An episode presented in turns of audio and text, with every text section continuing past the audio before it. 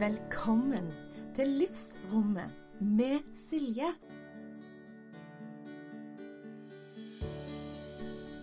Velkommen til Livsrommet med Silje. Podkasten som er som en pustepause i din travle hverdag. Podkasten som har rom for hele deg og ditt liv. Som oftest får du bli kjent med fantastiske gjester her. Og innimellom er det, er det meg. Ja, for hvem er jeg?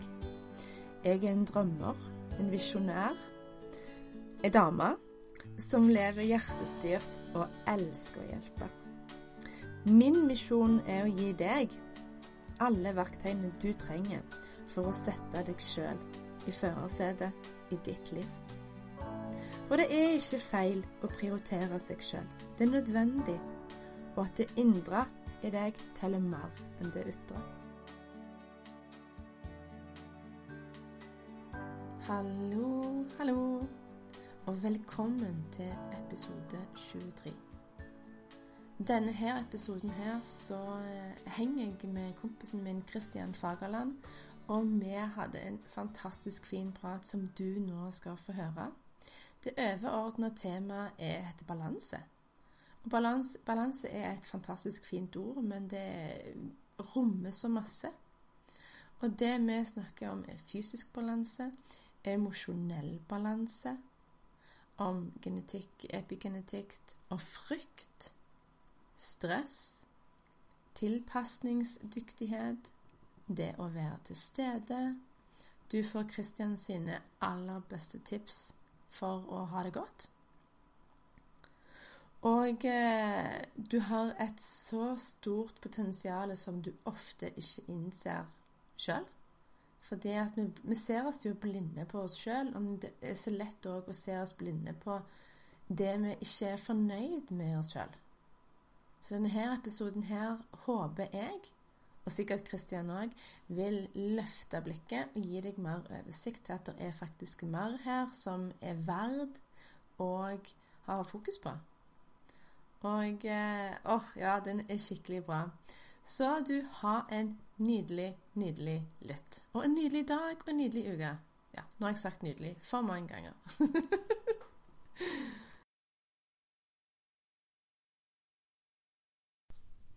Velkommen, Kristian, til Livsrommet med Silje. Tusen takk. Endelig! ja, nå fikk vi det til. Endelig vi snakket om det. He? Ja, Jeg husker jeg spurte deg for ganske lenge siden. Så nå blir denne episoden noen og 20. Ja. Så det er jo veldig kult. Gratulerer med det. Tusen takk. Og grunnen for at jeg inviterte deg med, er jo for at du kan veldig mye om veldig mye. Ja, kanskje. Vi får se. kan litt om mye, kanskje. Litt om veldig mye. Ja. ja. Men uh, først, Kristian, hvem er du? Hvem er jeg, ja? Ja, det er et viktig spørsmål i livet. Hvem er jeg? Skal du ha den lange versjonen eller den korte versjonen? Medium. Først og fremst så er jeg en gutt, en mann fra Stavanger. Mm. 45 år. Mm. Heter Kristian Fagerland. Jeg har tre barn. Eh, Samboer med Pernille, som har to barn. Så er storbarnsfamilie. Vi har det travelt. 50-50. Mm. Eh, jeg er utdanna mikrobiolog. Mm. Spennende. Mm. Iallfall i dag, i ja, disse tider. Ja, veldig. Så jeg har uh, jobba med både virus og bakterier uh, før jeg ble kiropraktor, som jeg tok da til slutt. Mm. Og så har jeg en videreutdannelse i noe som heter funksjonell nevrologi, mm. som omhandler egentlig hvordan miljøet rundt oss påvirker læringsprosesser og nervesystemet vårt. Som jeg er veldig glad i. Så jeg er veldig glad i utvikling og barn, og hvordan miljøet påvirker oss, rett og slett. Mm. Jeg syns det er så spennende, det du holder på med. Mm. Så um, jeg har noen spørsmål, sånn at um, både jeg og lytterne blir bedre kjent med deg. Mm. Så hvordan er det du som gutt, mann på 45 tar best mulig vare på deg sjøl? Ja, det er vel egentlig å prøve å gjøre gode ting for deg sjøl. Gjøre ting som gjør deg glad. Mm -hmm. mm. eh, og sette av egen tid. Ja. Eh, Få tid til deg sjøl. For det er Mhm. jo sånn at eh, når jeg har det bra, Mm. så er jeg òg bedre på jobb, og jeg er en bedre far. Mm. Så jeg brukte noen år på å finne ut at eh, det handla faktisk ikke om at ungene skulle ha det bra, men det handla faktisk om at jeg skulle ha det bra. Mm. Og når jeg så at jeg hadde det bra, så så jeg jo òg at barna mine fikk det bedre. Yes. Ja. De er så interconnected, de to. Mm. Det, sånn er det jo for mødre òg. Mm. Og det er på sett og vis vanligere, etter mitt perspektiv, at mødre gjør alt for barna Mm. Ja. enn en fedre. Men det er jo fordi at referansegrunnlaget mitt er primært damer. er- det er gjerne på andre måter. Ja. Mm. Så det at når mora eller faren tar vare på seg sjøl først, og faktisk Mm. kjenner etter hva er det jeg trenger for at jeg skal ha det godt Ikke sant? Å tørre å stille det spørsmålet. Ja. For stiller du spørsmål, så får du svar. Eh, Ja. Det handler jo egentlig litt om å finne ut hva er det som gjør deg glad, eller meg glad. Mm. Ikke sant? Og det er jo forskjellig fra person til person. Mm, mm. Og så er det òg å forstå at eh, det er ikke egoistisk å ta vare på deg sjøl. Så det er viktig. Men å tørre å stille spørsmål tror jeg er, er Da har du kommet langt. Mm. Så de sier jo det at eh, bevissthet er jo første Mhm. steg i all endring. Ja. Så for å skape en endring, så må du jo først og fremst vite at du har lyst til å endre deg, eh, og, Ja. og finne ut hva er det jeg eh, har lyst til å endre på. Mm. Mm. Jeg hørte et sitat som er Kvaliteten på livet ditt blir bestemt av kvaliteten på spørsmålene du spør deg sjøl. Ja, enig, enig med det. Mm. Det er sykt bra Mm. sitat, altså. For det er det der. Hvis man har så mye feid under teppet Mm. i- fra tidligere i livet som man ikke tør å på en måte lette på teppet engang og se på, Mm. og da fornekter man jo en stor del av seg sjøl. Absolutt. Men å tørre å spørre spørsmålet Hva er egentlig under det der forbaska teppet? Mm. Og forstå at ting henger sammen. ikke sant? Og Det er jo litt det vi skal innom i dag. Yes. Så jeg har forstått. Dette med Mhm. balanse. Mm. Men forstå at um, ting du gjør i livet, eh, påvirker andre ting. Mm. At det er en helhetstanke i det. Da. Det er viktig for meg. Mm. Kjempe. Og en balanse i det. Mm. Og så spørsmål, introspørsmål nummer to. Hva med deg sjøl er det du setter mest pris på? Egenskap, whatever. Hva er Ja, det? det var jo et godt spørsmål. Ja, jeg syns òg det. Nå er det jo ofte sånn at uh, styrken din er jo òg ofte svakheten din. Mm. Ikke sant? Mhm. Så for eksempel det å være sta, da, Ja. kan være en veldig fin ting. Mm. Han eh, Christian han er så sta. Han fullfører det han begynner på. Han Yes. gir seg aldri, og han har gjennomføringskraft. og Han står på. ikke sant? Det er positivt. Men samtidig skal han bli snudd på hodet og bli liksom Herregud, han Kristian der, han vet jo ikke når nok er nok. Han gir seg jo Mhm. aldri. ikke sant? Så, så møter du veggen, gjerne. Det tror jeg kan stemme for hun Silje òg, Ja, det utsagnet. det er jo litt sånn. Så en oppfordring til alle lytterne er jo gjerne å tenke over hva er styrken din. Eh, For ofte så er jo styrken òg gjerne akilleshælen din. Det er gjerne det du Mm. følger minst med. Mm, Eller det du er mm, mest sårbar. Mm, absolutt. Så eh, en av mine styrker er vel gjerne mm, at jeg er flink til å sette meg mål. Mm. Jeg, Jeg, eh, før jeg ble kiropraktor og, og mm, var i USA og studerte til mikrobiologi, så drev jeg med friidrett. Mm. Så jeg var en av de beste i Norge på 400 meter og 200 meter. Yes. Ja, så da eh, lærte jeg jo å sette meg mål Mm. I idretten, og det har absolutt vært viktig for meg eh, i yrkeskarrieren og i familiekarrieren òg. Mm. Så det er en styrke jeg har. Men selvfølgelig så er det jo òg en liten svakhet. ikke sant? Og det går jo litt på dette med å være eh, gjerne veldig sta. Mm. eh, og, og gi deg når eh, nok er nok. Mm. Ikke brenne deg sjøl ut. Mm. Mm. Så hvis du skal si den egenskapen du har, du har som du setter mest pris på, vil du da svare den? Em, ja, jeg vet ikke om det er den jeg setter mest pris på, men det er iallfall en, en god egenskap jeg har. Mm. Eh, jeg ser på meg sjøl som veldig snill, Mm. Enig? ja. men så igjen så kan jo det òg bli til dumsnill, ikke sant. Så, så plutselig var det gjerne ikke en så sterk egenskap allikevel. Mm. Men det er absolutt en egenskap jeg har. jeg tror jo de fleste egenskapene har en polaritet. Mm. Motpol som det kan bikke over. Men jeg tenker Absolutt. det har jo med intensjon, intensjonen og energien bak. Mm. Så jeg, jeg har en del verdier. Du ser gjerne på tavla bak meg. Mm, jeg jeg setter de opp, og, og den største verdien for meg er, er familie. Mm. Det er nummer én. Mm. Eh, Når familien ikke har det bra, eller jeg i den familien ikke har det bra, så er jo ikke det en eh, optimal familie. Mm. Eh, Som verdi nummer to så har jeg helse, de går jo litt sammen, ikke sant? Mm. Mm. Så det å kunne ha en god helse til å tenke klart og bevege deg fritt og si Mm. hva du mener og Mm. ja, være frisk ha godt immunforsvar og sånne ting som er viktig i dag. Mm. Så det er nummer to. Eh, Så kommer jobb. Det er viktig med penger. Eh, Det er ikke nummer én, men det er absolutt noe vi trenger, dessverre. Mm. Og nummer fire på min verdiliste er å hjelpe andre. Mm. Så vi kan jo si at mange av de verdiene kan vi knytte sammen. Mm. De flettes jo litt eh, rundt hverandre. Men det er Mm. viktig, og jeg tror i dag, med alt det stresset vi ser med pandemi osv. Mm. Skal ikke gå for dypt inn i det i dag, men eh, jeg tror det er viktig for folk å eh, bli, være klar over gjerne skrive ned verdiene dine. Mm. Hvis Mm. verdien din nummer én er familie, Mm. Så er det jo litt merkelig at vi ikke skal få være sammen som familie. ikke sant? Mm. Mm. Så uh, tegn, eh, skriv ned verdier, uh, gjør det synlig. Det er Mm. veldig fint når du òg skal mm, nå mål. Mm. At du har det, ser det for deg. Mm. Sier jo det at hvis du ser det, så kan det skje. Jepp, jeg er enig. Eh, det som jeg tar gjennom nesten alle mine coachingkunder, som på en måte de står litt fast i livet, Mm. da har jeg en veldig god øvelse hvor jeg, hvor jeg hjelper de til at de finner ut sine verdier. For veldig mange vet det jo ikke engang. Nei. Det er det der med å stille spørsmål, ikke Ja, sant? stemmer det. Og skape det rommet og stillheten, sånn at svarene får på en måte muligheten til å, å komme. Mm. For hvis vi springer fra A til B til C i sånn vilt tempo, så er det jo ikke mulighet til å lytte. Stemmer. Så verdien er kjempeviktig. Mm. Eh, Jeg gjorde sist gang på engelsk, bare fordi det var det jeg leste i en bok. Så mine var eh, alignment, at det skal Mm. stå i samsvar.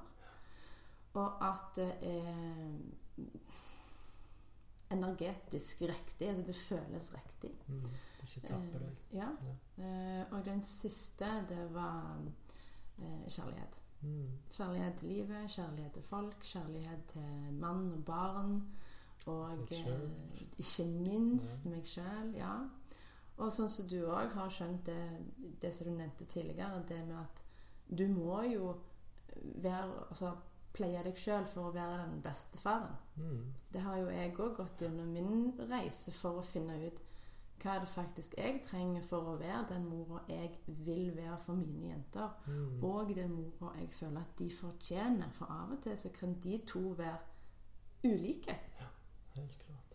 Og hvis, hvis det er dårlig helse inne i bildet, så er det ofte dårlig samvittighet, dårlig tålmodighet.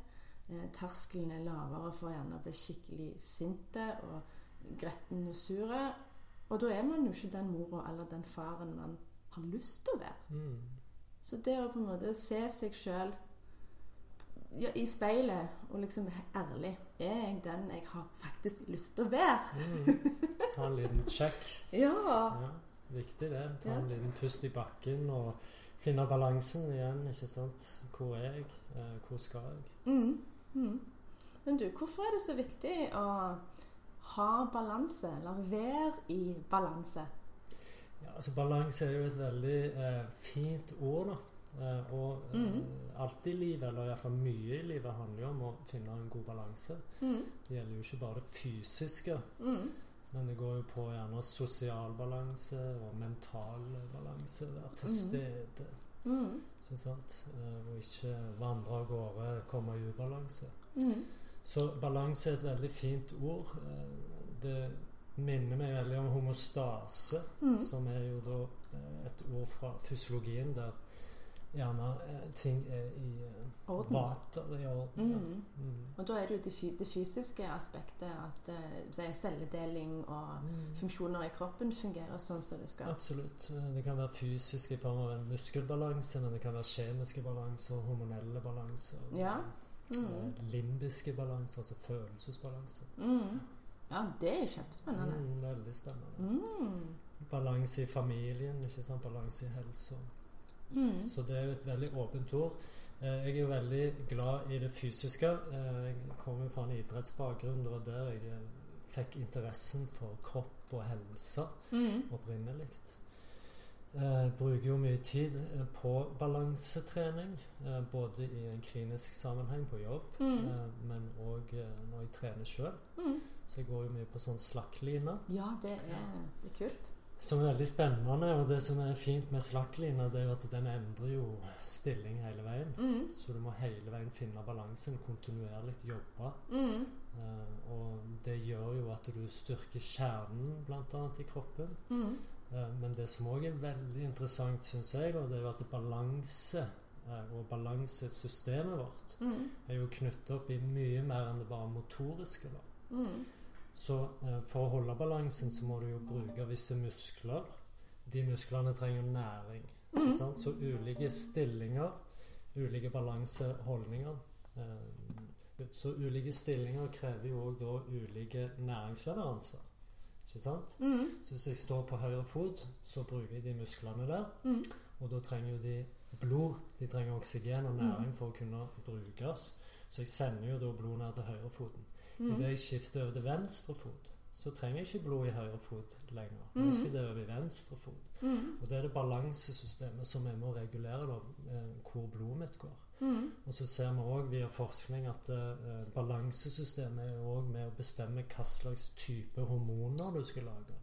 Så Mm. ulike kroppsstillinger krever ulike hormonelle responser. Yes. Og faktisk så ser vi òg at uh, du har ulike følelser oppi det.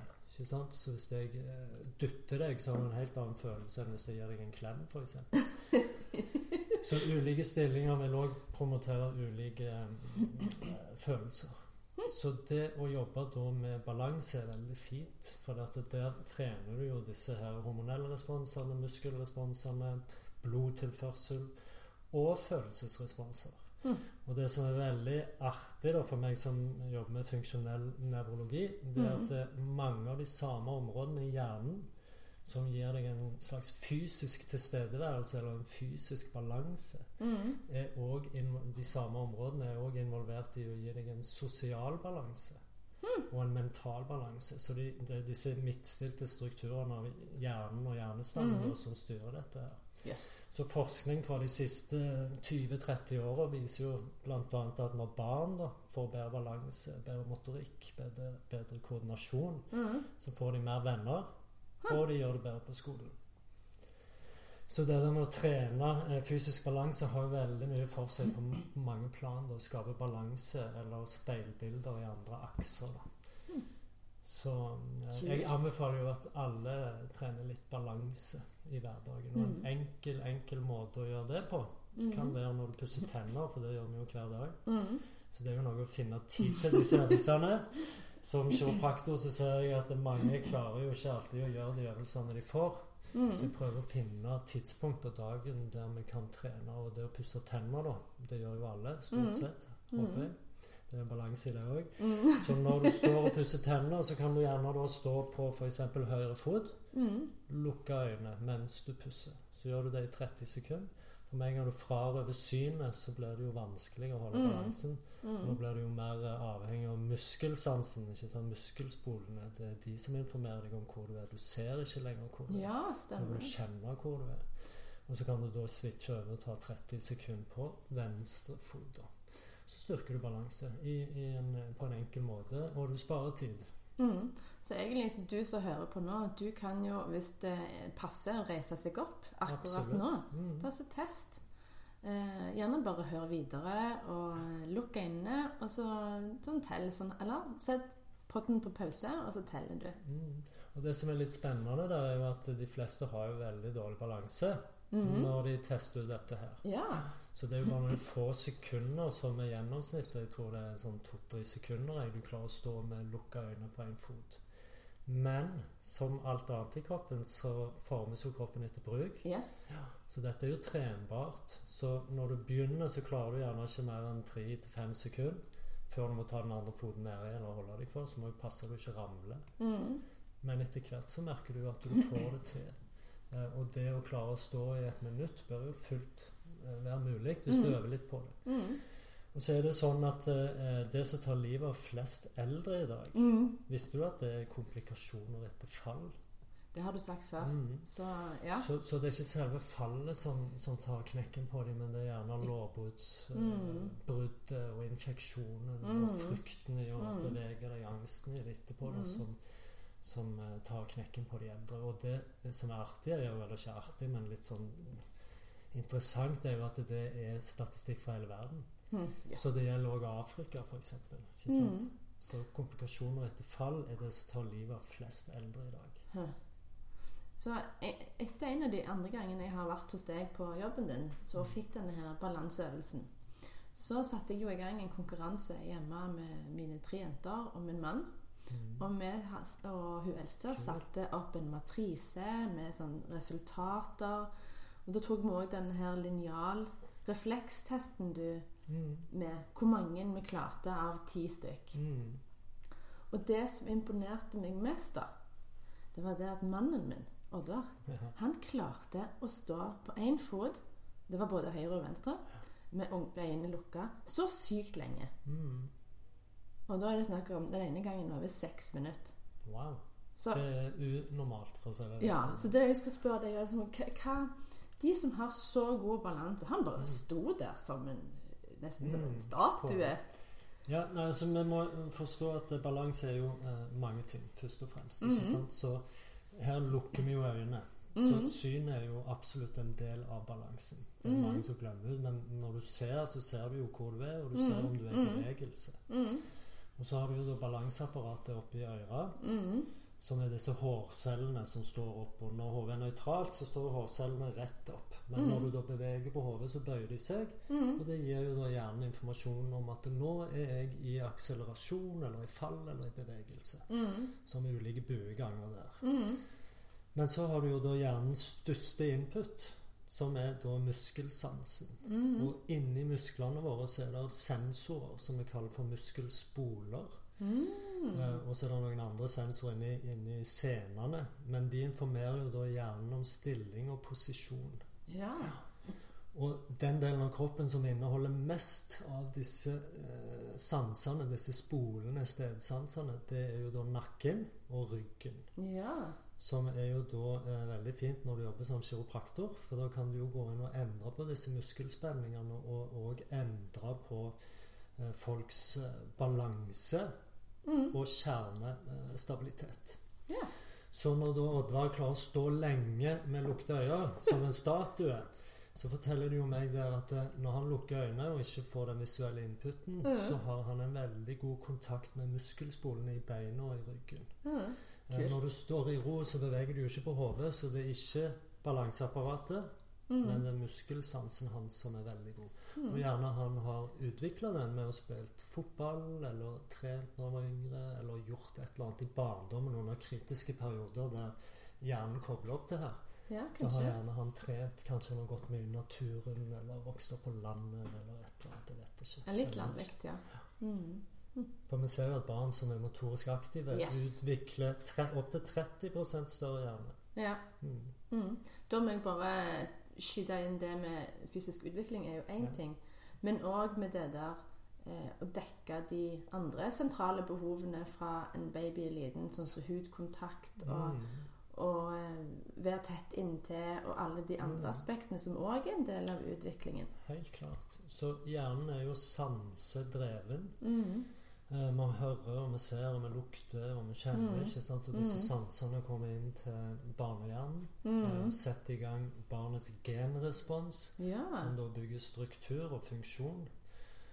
Eh, og så er det òg veldig artig, for at eh, vi lærer jo med f.eks. assosiasjoner. Ikke sant? Så når du da har to Ja. ulike input, f.eks. via balansesystemet og noe motorisk og noe visuelt, ja. så vil de knytte opp da nettverk. Så når du var en liten baby, f.eks., Mm. du ligger i mors fang, og du har det godt, og du er mett, og Ja. varm, og du har gjerne gjort fra deg og fått deg nye bleier eh, Dritfjåge, som vi sier i Stavanger. Eh, alt er fint, og så ser mor ned på deg, ikke sant, og du har det godt, og så smiler hun til deg. Mm. Og så knytter du da opp alle de gode følelsene du har der og da, med Mm. det smilet. Mm. Ikke sant? Og så er det noe som heter speilnevroner i hjernen, som da begynner å herme etter Ja. mors smil. Ja. Og så smiler babyen tilbake. ikke sant? Rekker du tunga til en baby, så rekker han tunga tilbake.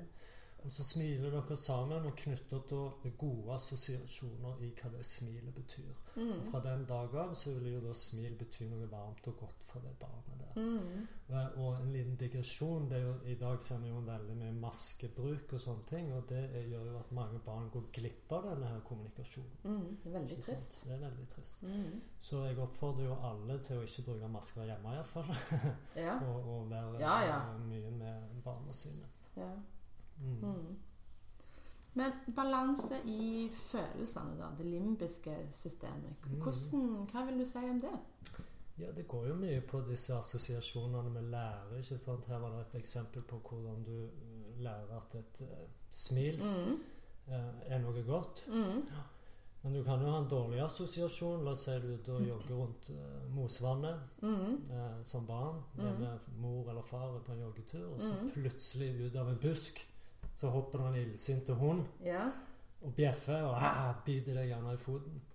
Så har du plutselig da knyttet opp eh, busk med hund. Mm. Så nå hver gang du ser en busk, så blir du redd. Eller venter på at den skal hoppe ut Ja, ikke sant? Så kan du få angst eller emosjonelle Beredskap. ubalanser. Mm. Så jeg tenker når det kommer til det emosjonelle, så tror jeg det er viktig å forstå at alle følelser eh, og alle emosjoner er ok. Mm. Du velger jo ikke dine egne følelser, de bare kommer. ikke sant? Mm. Så hvis jeg tar på ei plate, og den er varm, så får jeg en smertefølelse. Mm. Mm. Eh, Men jeg har jo ikke valgt å få vondt sjøl.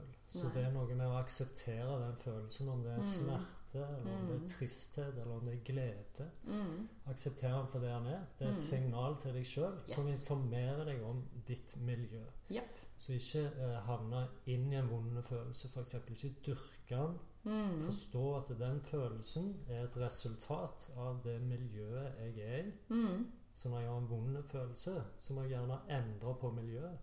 F.eks. gå ut, gå en tur. Mm. Gå og lag deg noe mat. Sett på en sang. Mm. eh, Stup kråker. Gå på Dans. hender. Dans. Mm. Gjør noe annet, så får du andre input, og du får òg Mm. andre følelser. Så ikke heng deg opp i følelsen. Det er helt normalt. Mm. Så alle de følelsene vi har, om det er angst, eller om det er depresjon eller panikk, det er jo normale følelser. Mm. Det er ikke sykt. Det er ingenting sykt med å ha en følelse. Mm. Hjernen mangler ingenting. Nei. Eh, det er jo sånn at i mange sine oppvekster, inkludert min egen, så blir enkelte følelser, eller eh, fremvisning av følelser, blir dussa ned. Mm, og det er synd. Ja. Ja. Så, så og Jeg har ingen klander eller Nei. bebreidelse. Det er bare sånn Alle gjør jo så godt Mm. de kunne. Men når jeg, jeg var veldig mye sint Mm. Og jeg tenker at det har en sammenheng med at jeg fikk jo ikke håndtert, prosessert det som, som skjedde. Og da når da begeret ble fullt, så rant det over. Mm. Eh, så jeg husker det at det var mye, mye følelse av skam knytta opp til etterpå når jeg hadde vært sint. For da, nei, da hadde jeg vært for sinte, jeg hadde vist for masse følelser. Så jeg, jeg, jeg måtte ikke gå og skjemme meg, men det var den følelsen jeg på en måte la en føring på på meg sjøl. Mm. Og det, det tok jo jeg med meg i det voksne livet. Og det er bare et par måneder siden jeg skjønte via et kurs at jeg har eh, skamma meg når jeg har hatt sinnesutbrudd. For det første så har jeg hatt sinnesutbruddet som er for en grunn. Sant? Mm. Det kommer med et budskap, for det er en budbringer. Mm. Og så attpåtil så har jeg på en måte gjort det enda verre for meg sjøl med å skjemmes etterpå. Mm. Så da har det vært dobbelt opp. Mm. Så din hjerne har jo da assosiert det med å være sint og òg være for skam, ikke Ja. sant? Mm. Så du har noen følelser som er, som er knyttet opp der. Mm. Så fint at du er i stand til å se det nå. Gratulerer. Jo, jo. For det er jo gjerne sånn eh, at vi blir lært fra barndommen, eh, Mm. på godt og vondt, ikke Mm. sant, eh, Mm. hva følelser er. Og foreldrene våre var gjerne ikke i stand til å forstå helt hva følelser var, de heller. Så de hadde jo òg sine følelser. Men jeg vokste jo opp eh, der det ikke var eh, alltid like greit å være sinte, f.eks., som du er inne på. Mm, mm. Så jeg fikk jo kjeft. ikke sant? Mm. Slutt å være så sinte. Ta deg sammen. Ja, ja, stemmer det. Hva er det du står og flirer etter? Eller eh, Ja, ja. slutt å grine, ikke sant? Ja, ja. Ta deg Men- sammen. Ja, og, og, og da lærer vi ungene våre at det, det er feil å ha følelser. Yep. Ja. Men det er jo absolutt ikke det. For som jeg sa tidligere, du velger jo ikke dine egne følelser. De Mhm. kommer til deg. De er et Mhm. produkt av eh, miljøet du er i. Mm. Ikke sant? Så hvis du er inne i ei stue og det lukter brent, så vil jo det gi deg en, en eller annen følelse av at her er det gjerne farlig, eller her brenner det, eller et eller Mm. annet. Ikke sant? Mm. Mm. Så du velger jo ikke den følelsen. Mm. Så jeg mener jo at vi skal ikke fortelle ungene våre hva følelser de skal ha.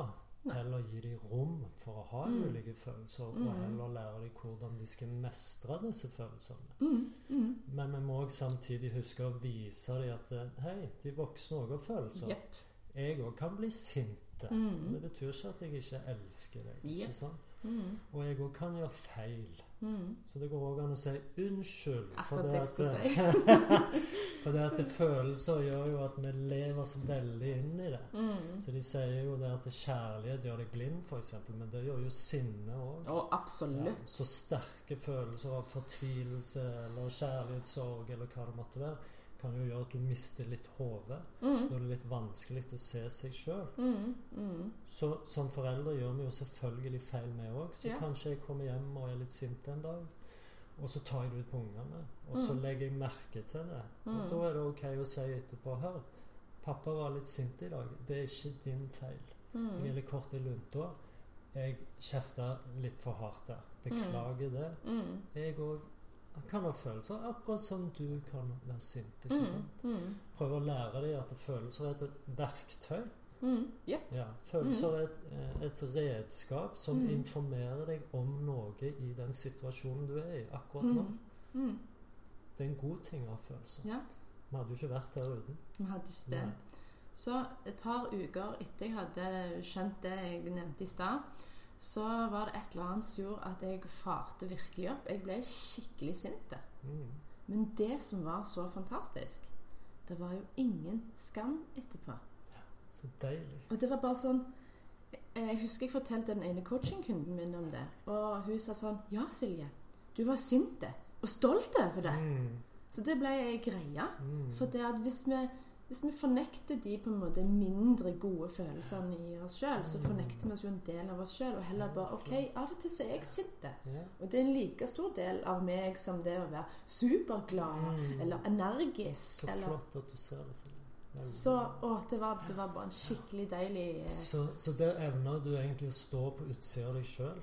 Mm. Og se dine egne følelser istedenfor å utagere i den følelsen. mm, Og i Østen så sier de jo at uh, den høyeste form for menneskelig intelligens mm, er å kunne observere deg sjøl uten å dømme deg sjøl. mm. Absolutt. Ja. Ja, ja, ja. Så du la merke til at eh, jeg var sinte. Jeg dømmer ikke meg sjøl for det. Du har selvfølgelig lov til å være sinte. Mm, Uh, og så kjente du en mestring i det. ikke Ja. sant? ja, ja, ja. flott. Ja. ja, det var veldig kult. Og det er jo òg sånne ting jeg syns er fantastisk å lære videre til mine unger. Mm. For det er jo sånn at vi som er foreldre, vi tar jo med oss det som er på en måte normalen, eller basen, i vår barndom. Som er da skapt av våre foreldre, som tar med seg det fra sin barndom, Mm. ofte. Mm. Eh, Men hvis vi da ser på en måte et eh, ubalansert, siden vi er inne på temaet balanse, et Mm. ubalansert mønster Mm. som repeterer seg sjøl, så har vi jo allikevel kraften. Og hvis vi vil bevisstheten til å snu om det mønsteret, til å Mm. endre den trenden at det du opplevde som barn, trenger ikke dine barn å oppleve. Det er helt sant, men da må du liksom ha den evnen til å se det først og fremst, og ikke Mm. dømme deg sjøl for å Mm. ha de følelsene. Mm. For vi ser jo at mange ulike atferdsmønster går i arv. Mm. ikke sant? Så hvis f.eks. mor eller far har opplevd noe kjipt, Mm. eh, så påvirker jo det selvfølgelig deres, ved deres atferdsmønster. Mm. Som de lett kan gi videre til barna sine, for Mm. vi lærer jo med å herme. Yep. Ikke sant? Jeg sa i stad rekker du tunga til en baby, så rekker han tunga tilbake. Mm.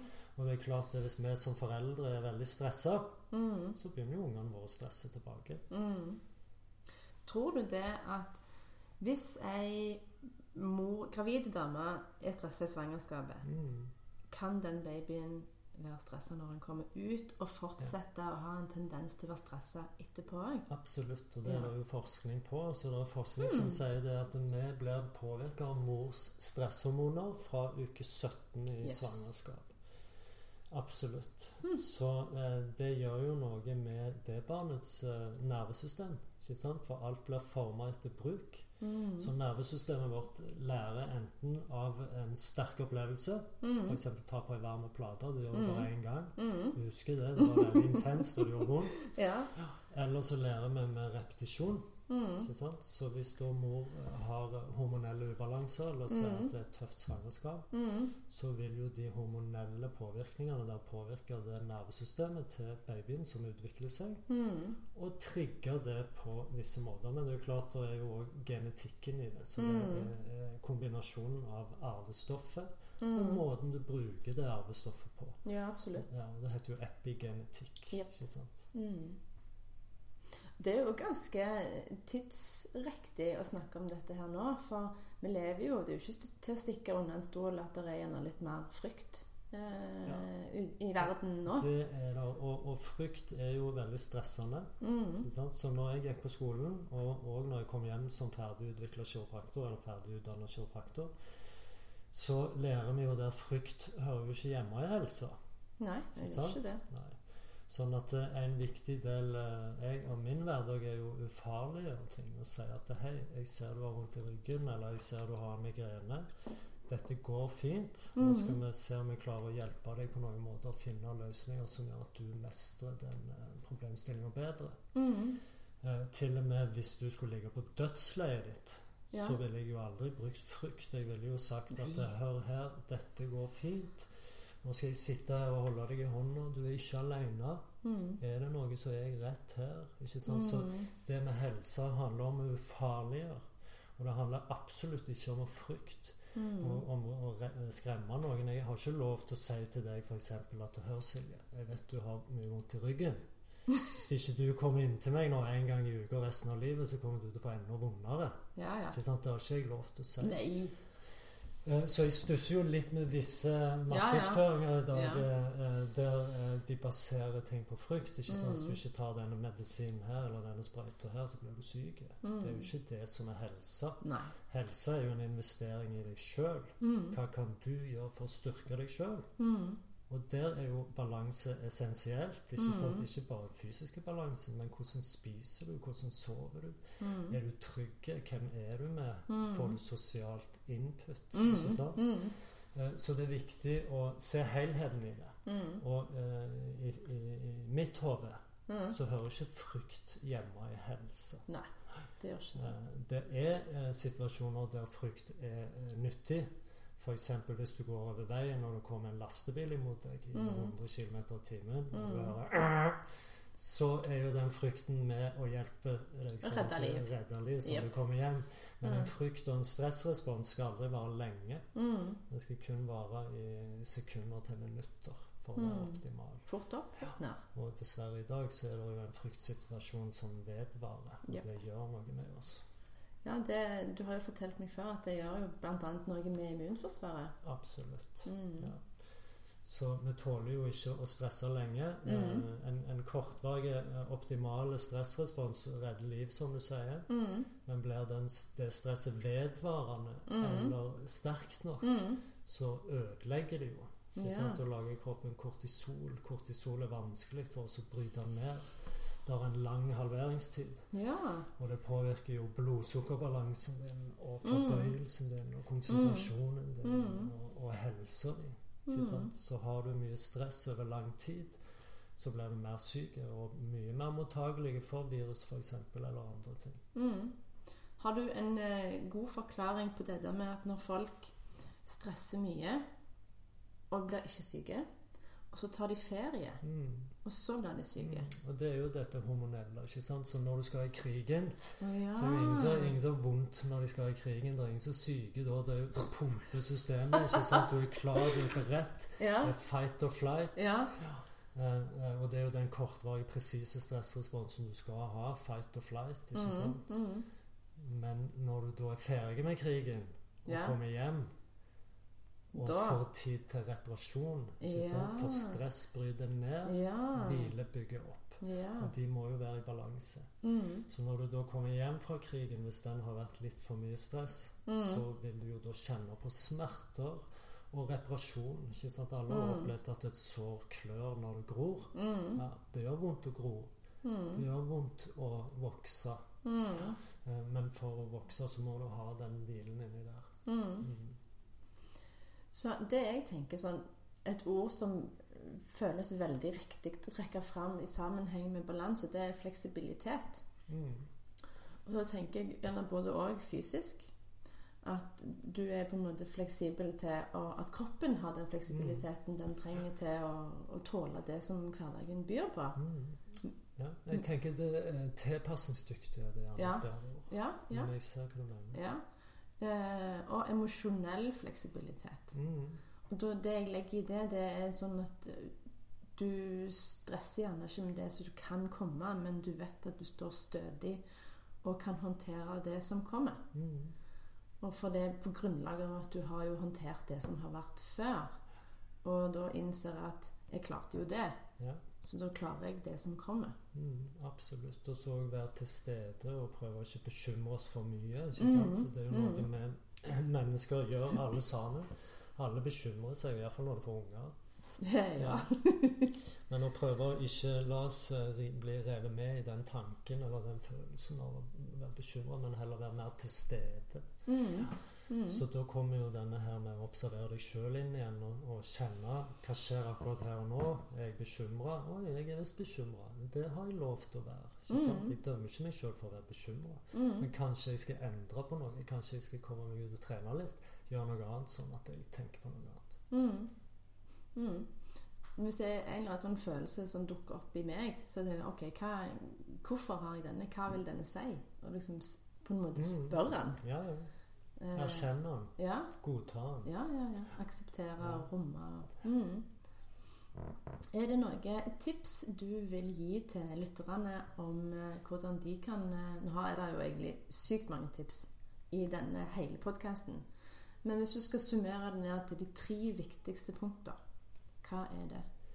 Ja, altså jeg tror De tre viktigste punkter når det gjelder gjerne egen helse, da, Mhm. er jo gjerne først og fremst å akseptere den du er. Mm. Være glad i Mhm. deg sjøl. Mm. Som du er inne på sjøl, Silje, det her med at eh, OK, jeg har en uønska følelse akkurat nå. Mm. Eh, Det er helt OK. Eh, Jeg har lov til det. Jeg er like god for det. Jeg er, Uansett. jeg er den jeg er. Ikke Mhm. sant? Så vi blir forma til å bli de vi er, på Mm. godt og vondt. Men det er det der begge sider, ikke sant? Vi snakket om altså Mm. polarene, Mm. yin og yang, at du Mm. har styrken din og svakheten din. Mm. Men å akseptere at jeg har begge deler, og bruke det mer som et instrument. Også. Ja. Vær glad i deg sjøl, det vil jeg si eh, eh, nummer én. Eh, og det er vanskelig. Jeg tror jeg opplever iallfall at mange har store utfordringer med det. Jeg òg gjør det. Og det er jo litt det som eh, gjerne har blitt fortalt, at vi ikke er gode nok, eller at vi ikke strekker til, og så begynner vi Mm. å tenke på det her. Men det er Mm. klart du er det. Mm. Du er her. Ja, Du er Mm. her fordi du fortjener å være her. Mm. Hvis du ikke hadde vært her, så hadde du eh, ikke fortjent å være her. Eller for å si det på en annen måte Hvis du ikke hadde fortjent å være her, så hadde du ikke vært her. Mm. Så du er her. Du er kjærlighet. Du er ja. Du er ikke nei. Du er noe. Mm. Uansett hva det måtte være. Det er en annen mm. podkast, men du er iallfall noe. Mm. du er ren kjærlighet. Så vær glad i deg sjøl aksepter hvem du er. Det er nummer én. Mm. Eh, nummer to, når det kommer til råd, så ville jeg sagt eh, vær i bevegelse. Eh, Mm. På alle plan. Eh, tør å gjøre nye ting. Mm. Vi vet at når du gjør noe nytt, så får du noe nytt. Mm. Du får andre følelser, andre tanker, andre personligheter. Eh, Mm. Du lager òg mye dopamin, Mm. som er hjernens gledestoff og lykkehormon. Mm. Så når du lærer f.eks. en ny yogastilling, eller lærer deg en ny dans, eller spiser en god mat, eller spiser noe nytt, eller reiser et nytt sted, treffer en ny person, så booster du deg sjøl med kjærlighet og gledehormoner. Mm. Eh, vi vet òg at det, når du endrer på ting, når du gjør nye ting, så endrer du på hjernen. Ikke sant? Mm, Du skaper mm, ja. Så nøkkelen til all læring er jo endring. Mm. kan ikke lære noe du allerede kan. Men veldig mange har en sånn eh, snål eh, Hvordan skal jeg si det? De liker ikke ordet endring. Altså det, det gjør endringsvegring. Mm. Men samtidig så gjør de det òg. Det er noe som heter forandring fryder. Ja, Og absolutt. den mestringen i den når du faktisk tør å gjøre noe som er litt Ja, annerledes. ja.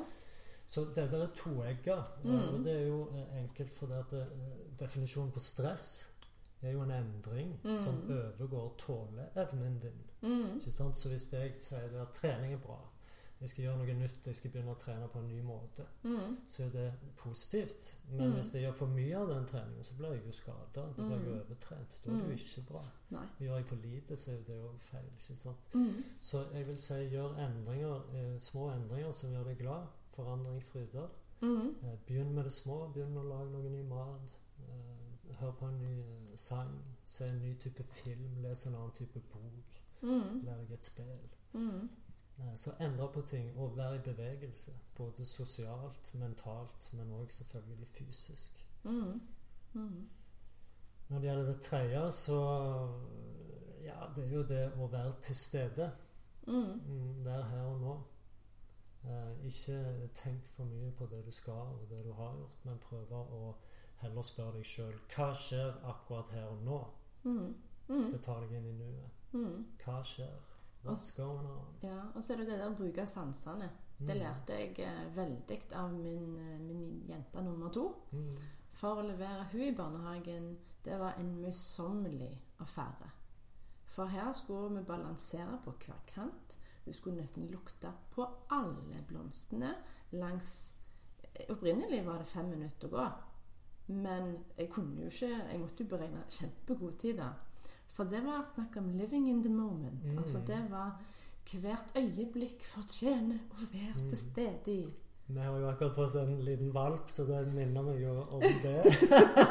Kommer jo ikke fort av å gå når du skal gå tur med han. Nei. Nei. Og det jeg vil avslutte med før jeg sier takk til Kristian, det er det at Kristian var inne på det med at du fortjener å være her fordi du er her. Jeg velger å si omtrent det samme, bare en litt annen vinkling. Og det er det at fordi at du er født, fordi at du puster, så er du verdig. Mm. Helt enig. Og for det er så mange som jeg ser i min coachingpraksis, og damer jeg snakker med og melder med, de har med seg sånne tilsynelatende sannheter fra tidligere, enten fra barndom eller ungdomsår eller voksenår, der noen har sagt noe som ikke var fint, Mm. og så adopterer de det som en sannhet, og så senker de seg sjøl, ikke nord og ned, men de senker seg sjøl ned og sin egen verdi på grunnlag av en ekstern faktor. Så du som hører på nå, husk at fordi du kan høre på meg og Kristian, eh, og eh, at du er her, så er du verdig alt det som du har lyst på. Absolutt. Mm. Og så tror jeg òg jeg vil gjerne skyte en liten ting. Du klarer ikke å stoppe når jeg setter i Ja, gang. vet. Det er jo litt det at vi blir forma til å bli den vi er. ikke sant? Så du vokser opp i et miljø, og der opplever du ting, og du ser ting, og du smaker på ting og hører ting, og det setter i gang nervesystemet ditt som blir forma av sterke inntrykk eller Mm. repetisjon. ikke Mm. sant?